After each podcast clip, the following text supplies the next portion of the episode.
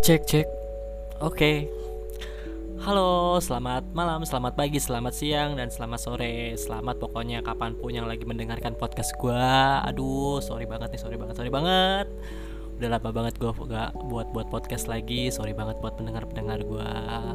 Karena gimana ya, podcast tuh bagi gue cuman buat sesuatu yang ada di dalam diri gue yang pengen gitu ketika mood gue lagi pengen apa mood gue lagi pengen apa. Tapi ketika mood gue nggak ada gue bikin sesuatu gitu kayak rasanya gak ini gitu nggak apa ya nggak nggak ada di situ. Jadi kayak gue pasti mengerjakan suatu karya yang nggak ada moodnya jadinya ah hasilnya gak maksimal gitu. Ada moodnya aja nggak maksimal apalagi gak ada moodnya gitu kan lebih parah lagi gitu. Oke, kembali lagi sama gue di rumah Penatikolik podcast yang akan membahas tentang uh, hal-hal psikologis yang relate ya di masa-masa fase-fase transisi kayak gini. Apalagi covid nih masih belum ada kejelasan nih kapan selesainya kapan kapan kapan. Aduh pusing banget ya nungguin covid yang nggak jelas ini. Gak ada kejelasan sama kayak hubungan aku sama dia. Anjay nggak ada bohong. Oke, gimana kabar teman-teman semua? Sehat kan? Pokoknya jangan lupa jaga kesehatan jaga imunnya supaya nggak ada nggak kena covid covidan deh kayak gitu ya pokoknya ya boleh lah main ke mana gitu tapi tetap pakai protokol kesehatan dan juga eh, jaga komunikasinya agak renggang dikit dan selalu minum vitamin setiap hari oke okay?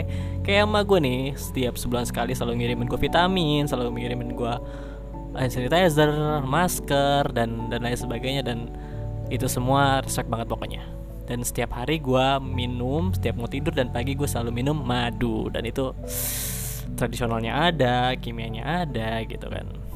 Maksudnya zat kimianya yang ada di dalam vitamin itu ada gitu. Jadi kan seimbang gitu.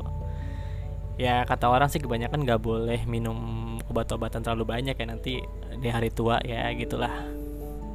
Katanya rentan gitu sama dan tergantung sama obat-obatan takutnya. Oke okay, eh, hari ini gue ngebahas apa ya? Tapi yang seru sih ya karena perasaan gue lagi kayak seolah mati rasa gitu ya. Nggak mati rasa juga sih ya someone else.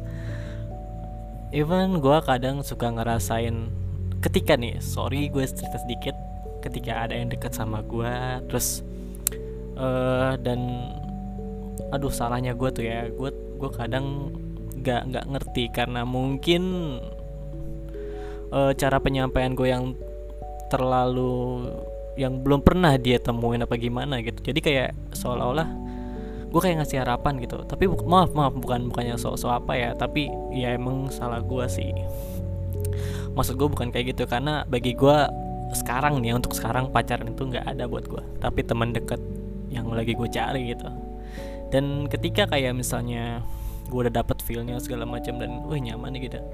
Tapi ada respon berlebih gitu. Dan itu jadi buat gue ilfil gitu. Gue ilfil banget sumpah.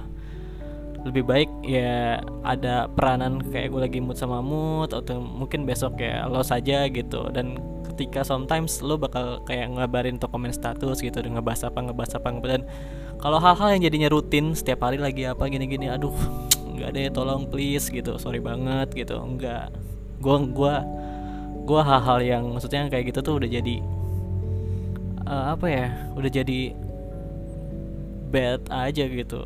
Gue jadi kayak bosen sih. Ya bukan bukan karena soal tampilan dan sebagainya ya. Kadang apa pun itu juga udah sempet gue rasain dan hasilnya hambar gitu.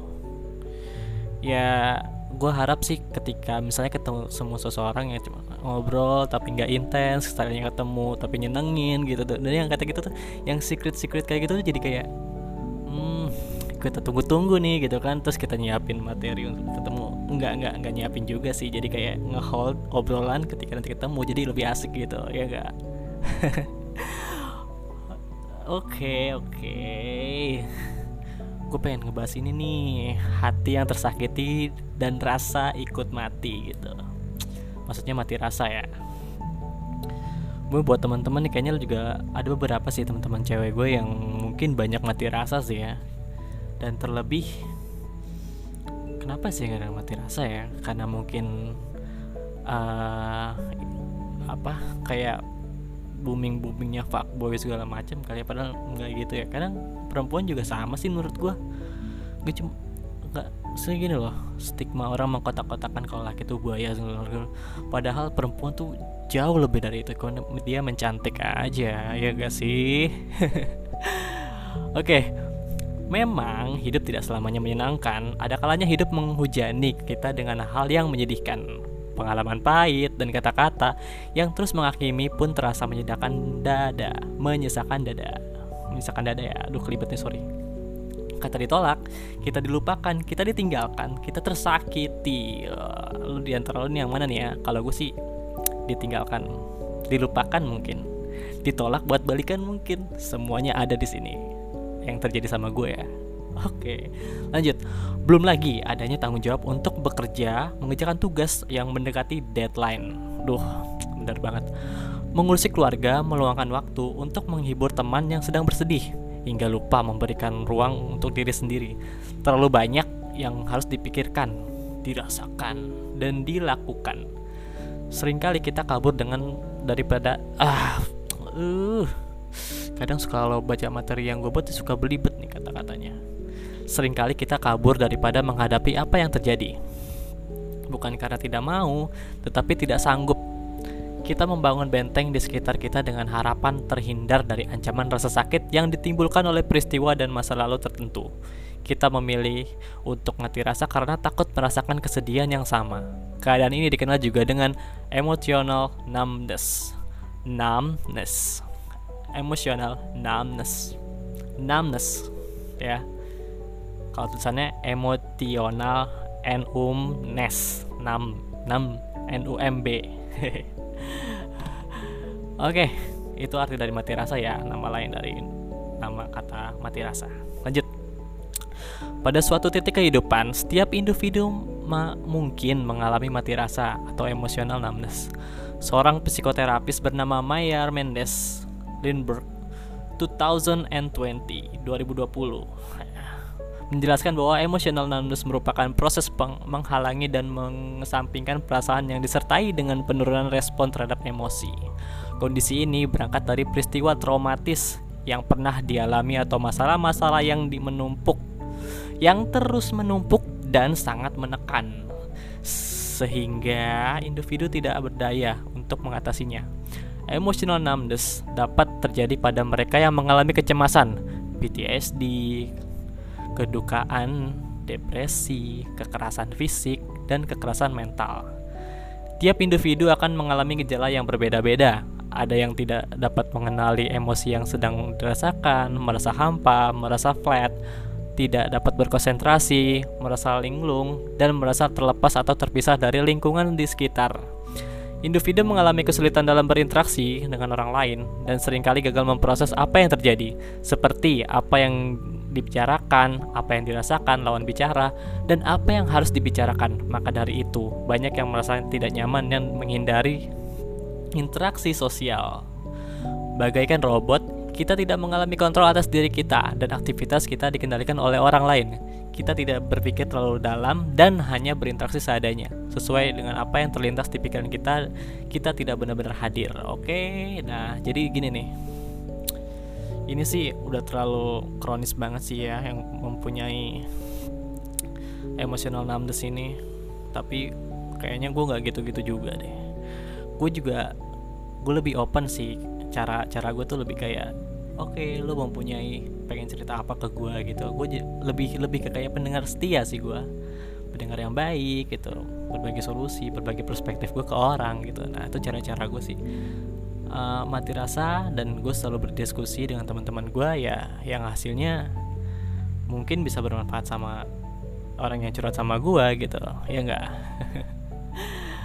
ya mudah-mudahan orang-orang yang mati rasa khususnya kita kita semua bisa mendapatkan sesuatu yang mungkin cahaya yang baru kehidupan yang baru dan mungkin membuka pintu hati kita. Amin. Oke lanjut Untung saja emosional numbness pada umumnya berlangsung sementara tuh, sementara. Jangan jadi jangan terlalu tersuges gitu sama hal-hal ih lo takut buka hati ih lo gini lo gini. Ih, jangan deh. Lu nggak boleh jadi pengecut cuy. Lu gak boleh coba buka hati ketika lo nemu feel itu dapat dari seseorang. Lo kejar lo jangan takut lo sama patah hati karena mencintai itu berani patah hati. Gak ada cinta yang bahagia gak ada bullshit. Mencintai itu gimana cara lo bisa menerima sisi baiknya lo dapat feel dan lo dapat nyaman. Udah itu aja. Pay your love dan hukuman lo dapat anjay itu kayaknya bahasa Inggris tapi nggak tahu bahasa Inggris lanjutannya jadinya gitu tuh.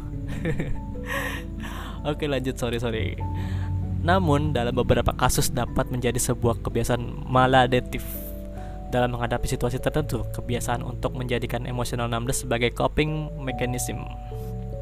Apabila sedang dilanda banyak masalah atau suatu peristiwa yang benar-benar besar, tentu tiap orang akan merasakan sangat tertekan daripada harus merasakan segala emosi negatif. Beberapa orang memilih untuk mematikan perasaan. Emosi negatif memang tidak kita rasakan. Tetapi kita juga kehilangan kesempatan untuk merasakan emosi. Ya, tuh. Emosi positif juga termasuk salah satunya. Aktivitas kita mungkin terganggu dengan berjalannya dengan lancar tetapi harus ter hasil tersebut kita peroleh dengan membohongi diri sendiri. Aduh iya nih bener-bener bener kadang apa ya apa apa nggak cuman yang terkena emosional 16 juga ya kadang suka membohongi diri sendiri sih karena takut bilang tidak atau merasa lebih kata nggak enakan gitu gue pengen sih gue pengen jadi orang yang cuek gitu tapi nggak bisa gitu. Kadang empati gue kayak gue kayak memposisikan ketika gue cuek sama orang takutnya perasaan dia gimana gitu. Ya udah gitu kan kadang suka gue ladenin aja gitu. Nah gimana ya? Kalau menurut teman-teman nih cara cuek gimana sih? Coba kalau misalnya yang tahu boleh diskusin sama gue dong boleh DM IG gue di rumah penati kolik atau mungkin di Instagram gue juga gak apa-apa oke lanjut membohongi diri sendiri ya. Hal ini sejalan dengan mekanisme pertahanan manusia dengan menghadapi peristiwa yang sangat menakutkan atau traumatis. Manusia akan menja menja menunjukkan menunjukkan Dennis menunjukkan salah satu dari ketiga responnya itu fight, flight atau freeze. Manusia untuk memiliki insting untuk bertahan hidup. Segala cara dilakukan untuk melindungi dan menyelamatkan dari diri ancaman termasuk mengaktifkan mode mati rasa atau freeze tuh. Freeze freeze ya freeze kan beku ya? Berarti buku lo perasaan lo. Yang dimaksud bukan berarti seseorang tidak melakukan apa-apa tetapi mereka berusaha memutus koneksi pada lingkungan pada awalnya memang terasa melegakan. Tetapi secara tidak sadar kita terus menerus menggunakan cara ini untuk menghadapi masalah di kehidupan sehari-hari. Kita mampu beraktivitas tapi urusan perasaan tidak pernah tuntas. Anjay benar-benar benar. Sampai ya menurut gue sih ini jatuhnya lu kayak bener-bener menutup hati tapi bukan bukan jadi self love sih jatuhnya ini malah semakin diri lo sendiri aja malah menyakiti diri lo sendiri gitu. Mungkin yang udah excited banget sih ya mengalami perasaan-perasaan mati rasa yang udah bener-bener ruah gitu. Kalau gue sih uh, lihat-lihat cewek di TikTok aja juga udah nyaman gitu. Menghalu menghalu aja. Oke lanjut. Bagaimanapun juga hal-hal negatif hidup berdampingan dengan hal-hal positif iyalah. Layaknya yin dan yang ya. dua energi yang bertolak belakang pun saling melengkapi untuk mencapai keseimbangan. Nah gini lagi nih gue gue sorry sorry cerita sedikit ya. Kadang menjadi orang yang di tengah-tengah itu sulit banget dan orang-orang di tengah itu bagi gue orang-orang yang benar-benar sufi dan benar-benar mengerti tujuan apa tujuannya untuk menuju ke Tuhannya langsung gitu. Ngerti gak sih maksud gue aduh sorry kalau belibet. Jadi lebih kayak ke hidup tuh lurus aja gitu. Yang kanan gak terlalu ke kanan yang kiri gak terlalu ke kiri gitu. Karena bagi gue kadang terlalu ke kanan juga orang-orang angkuh. Orang-orang yang angkuh menurut gue tapi orang-orang kiri orang-orang yang respect. Tapi pada akhirnya dia bakal meninggalkan siapa yang menciptakannya. Ngerti gak? Ya seperti itulah. Kadang ya kalau lo ketemu habit baru lo punya punya circle yang baru dan orang-orang itu terlalu ke kiri dan mungkin lo bakal belajar sisi kemanusiaan yang sebenar-benarnya ada di orang-orang ke kiri. Terlalu ke kiri. Sorry. Kalau terlalu ke kanan ya lo hanya hanya berdasarkan iman kitab iman kitab iman kitab. Menurut gue ya. Wah jadi ngalor ngidul nih pembahasannya. Ya sih ya itulah maksud gue uh, kesimpulannya ketika lu harus bisa jadi orang di tengah-tengah gitu. Nggak terlalu kiri dan terlalu ke kanan gitu. Sometimes lo bisa terlalu ke kiri sometimes lo bisa terlalu ke kanan. Dan mungkin itu yang sekarang lagi gue perjalanan gitu. Bukannya labil tapi suatu pembentukan seseorang dan menurut timut dan bisa merasakan perasaannya langsung gitu. Oke lanjut.